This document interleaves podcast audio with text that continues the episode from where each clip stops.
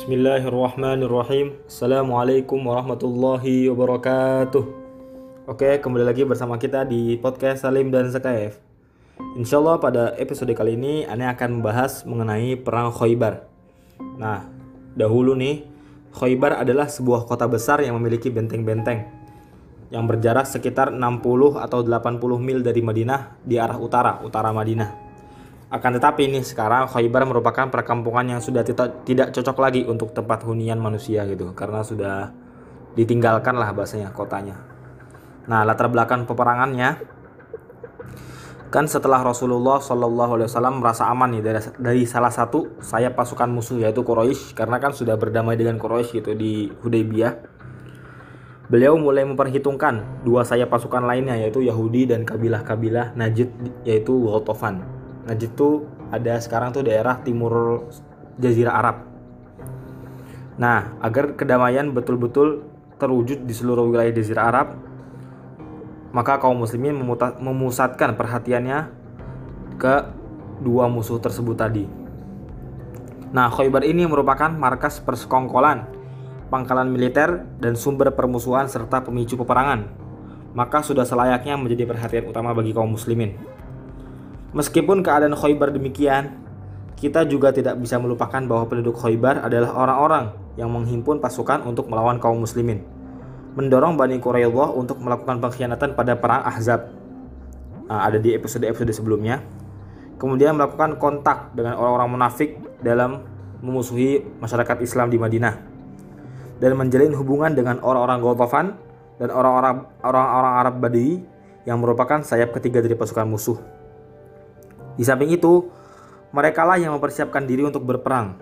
Tindakan-tindakan ini telah membuat kaum muslimin terus-menerus berada dalam ujian. Bahkan mereka pernah merencanakan membunuh Rasulullah Shallallahu Alaihi Wasallam. Menghadapi semua itu, kaum muslimin terpaksa melakukan operasi militer terus-menerus dan membunuh otak persekongkolan mereka, di antara lain Salam bin Abdul Haqiq dan Usair, Usair bin Zarong. Itu yang kita bisa dengarkan di episode-episode sebelumnya. Namun kewajiban kaum muslimin untuk menghadapi orang-orang Yahudi itu lebih besar dari semua ini. Mereka mengulur pelaksanaan kewajiban tersebut karena kekuatan yang lebih besar yaitu Quraisy. Jadi mereka mengulur untuk menyerang Yahudi karena masih ada Quraisy. Akan tetapi setelah kaum muslimin berdamai dengan Quraisy, maka kaum muslimin mulai membuat perhitungan dengan para penjahat Yahudi ini karena kondisinya telah mendukung. Nah, Ibnu Ishaq bercerita setelah kembali dari Hudaybiyah, Rasulullah Wasallam berada di Madinah pada bulan Dhul Hijjah dan sebagian bulan Muharram. Kemudian pada sisa bulan Muharram, beliau berangkat ke Khaybar. Para ahli tafsir berkata bahwa Khaybar adalah janji yang telah disampaikan oleh Allah Subhanahu wa taala melalui firman-Nya, "Wa'adakumullahu maghanima katsiratan ta'khudunha fa'ajjala lakum hadhi." Artinya, Allah menjanjikan kepada kalian yang banyak yang dapat kalian ambil maka disegerakan harta rampasan itu kepada kalian. Surat Al-Fat ayat 20. Nah, yakni perjanjian tersebut itu perjanjian Hudaybiyah, sedangkan harta rampasan yang banyak itu dimaksudnya Khaybar. Ini kata para ahli tafsir. Nah, orang-orang munafik dan orang-orang yang memiliki keimanan yang, lem, yang lemah yang tidak ikut pada pada saat perjanjian Hudaybiyah, nanti bisa dengarkan di episode-episode sebelumnya, tidak diperkenankan untuk ikut menuju Khaybar Ketika berangkat ke Khaybar, Rasulullah SAW mengumumkan bahwa yang boleh ikut hanyalah orang-orang yang suka berjihad. Dan ternyata yang ikut hanyalah orang-orang yang ikut dalam peristiwa Bayatul Ridwan pada saat di Hudaybiyah, yakni sejumlah 1.400 orang. Beliau akhirnya melimpahkan urusan Madinah kepada Siba' bin Artafa al-Ghifari. Pada saat itulah, Abu Hurairah datang ke Madinah untuk masuk Islam. Dia bertemu dia bertemu dengan Siba yang yang sedang menunaikan sholat subuh. Seusai sholat, Abu Hurairah menghampiri Siba. Lalu Siba memberinya bekal perjalanan. Abu Hurairah datang untuk menemui Rasulullah Shallallahu Alaihi Wasallam. Beliau memberitahukan perihal keislamannya kepada seluruh kaum muslimin yang ikut waktu itu pada saat ingin berangkat ke Khaybar. Lalu menyertakan Abu Hurairah dalam pasukan dengan para sahabatnya dalam pembagian harta juga mereka yang peroleh. Jadi Abu Hurairah juga ikut dapat walaupun beliau tidak ikut pada saat Bayatul Ridwan. Nah, orang-orang munafik telah banyak berbuat untuk orang-orang Yahudi. Udah baik banget lah sama orang-orang Yahudi.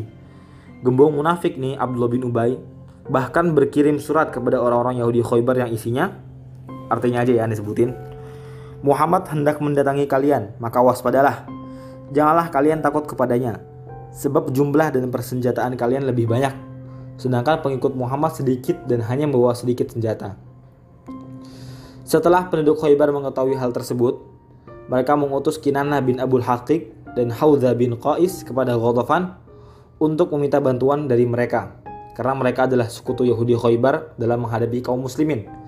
Jika berhasil mengalahkan kaum muslimin, orang-orang Yahudi Khaybar berjanji akan memberikan imbalan berupa setengah dari hasil buah-buahan dari kebun-kebun di Khaybar. Dalam perjalanan menuju Khaybar, Rasulullah Shallallahu Alaihi Wasallam melewati Gunung Isr. Setelah itu beristirahat di suatu lembah yang disebut Ar-Raja. Nah, Ar-Raja ini adalah tempat yang sangat dekat dengan perkampungan orang-orang Ghatafan gitu. Nah, pada saat orang-orang Ghatafan sudah melakukan persiapan dan berangkat menuju Khaybar untuk membantu kaum Yahudi, namun di tengah perjalanan mereka mendengar suara gaduh dari arah belakang, ya suara-suara ada orang gitu. Nah, mereka mengira bahwa kaum muslimin telah menyerang keluarga dan harta benda mereka, sehingga mereka kembali ke Ghatafan dan tidak ikut campur dalam urusan Rasulullah SAW dengan penduduk Khaybar. Kemudian Rasulullah SAW memanggil dua orang yang menjadi petunjuk jalan yaitu tour guide bagi pasukan Islam. Salah satunya bernama Husail. Dan, dan Husail ini menunjukkan jalan yang terbaik bagi beliau menuju Khaybar yaitu dari arah utara. Jadi Rasulullah SAW kan datang dari selatan di Madinah.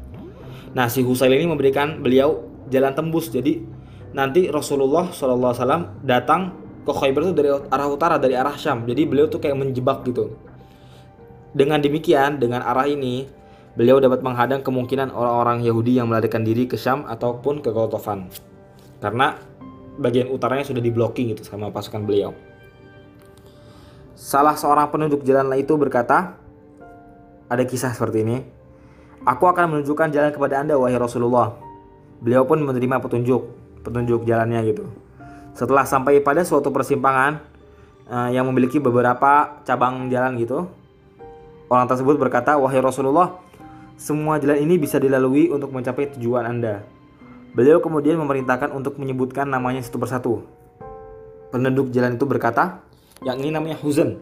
Nah, beliau tidak mau melalui jalan itu karena artinya sedih. Kemudian yang ini namanya Syas. Beliau juga tidak mau melewati jalan itu. Dan ada satu lagi, yang ini jalan namanya Hatib. Beliau juga tidak mau melalui jalan itu. Selanjutnya Husail berkata sebagai penunjuk jalan, tidak ada pilihan lain kecuali yang satu ini.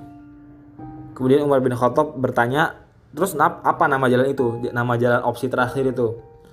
Husail menjawab, namanya Marhab. Maka Nabi Shallallahu Alaihi Wasallam pun memilih untuk melewati jalan itu. Nah, untuk selanjutnya akan dilanjutkan oleh Abo. Silahkan, Bo.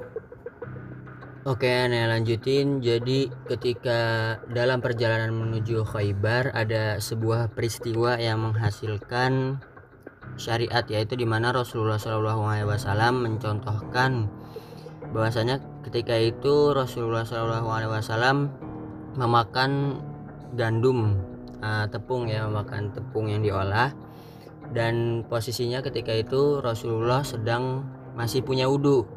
Lalu datanglah waktu untuk sholat maghrib dan Rasulullah ketika itu tidak berwudhu lagi hanya kumur-kumur.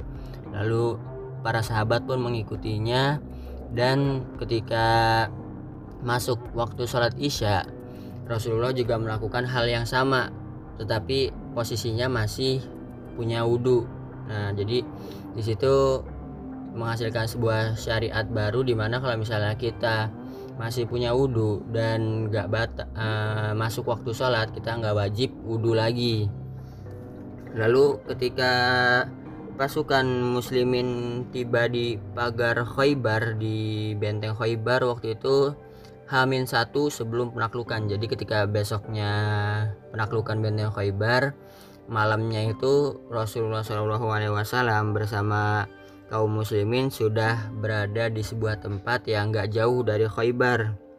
Dan ketika itu Rasulullah SAW menjadikan sebuah tempat sebagai markas kaum muslimin. Tetapi Al-Hubab bin Al-Mundir menemui Rasulullah SAW dan bertanya Wahai Rasulullah, apakah tempat yang kau pilih ini merupakan ketetapan yang diturunkan Allah ataukah ini hanya sekedar pendapat dalam dalam siasat perang?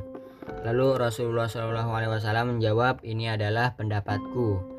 Dan setelah itu Al Hubab bin Al Munzir memberikan pendapatnya bahwasannya di tempat yang sekarang dijadikan markas oleh kaum muslimin itu kurang cocok karena rawan dengan anak panah musuh dan tempatnya yang kurang strategis dalam posisi perang. Lalu akhirnya Rasulullah SAW menyetujui pendapat Al-Hubab dan memindahkan markas ke tempat lain. Dan ketika sampai di markas yang baru, Rasulullah SAW berdoa yang artinya dalam bahasa Indonesianya Ya Allah, Rob langit dan bumi serta apa-apa yang dipayunginya, Rob bumi yang tujuh dan apa-apa yang dikandungnya, Rob setan-setan dan apa-apa yang disesatkannya, sesungguhnya kami memohon kepadamu kebaikan dusun ini, kebaikan penduduknya, kebaikan apa pun yang ada di dalamnya. Kami berlindung kepadamu dari kejahatan dusun ini, kejahatan penduduknya, dan kejahatan apa pun yang ada di dalamnya. Majulah dengan nama Allah. Nah, jadi itu doa Rasulullah SAW sebelum penaklukan Khaybar. Dan ketika itu pun ketika kaum muslimin sudah sampai di dekat benteng Khaybar dan sudah mendirikan markas, orang-orang Yahudi Khaybar belum tahu kedatangan Rasulullah Shallallahu Alaihi Wasallam. Nah, baru tahu ketika paginya ketika mereka sudah memulai untuk beraktivitas seperti biasanya, mereka baru menyadari di situ ada pasukan kaum muslimin. Nah, untuk penaklukan kisah penaklukannya akan dilanjutkan di episode selanjutnya.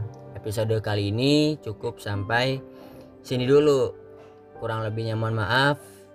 Jangan lupa di-share ke teman-teman kalian supaya lebih bermanfaat. Ditunggu episode selanjutnya. Jangan lupa didengerin episode-episode sebelumnya.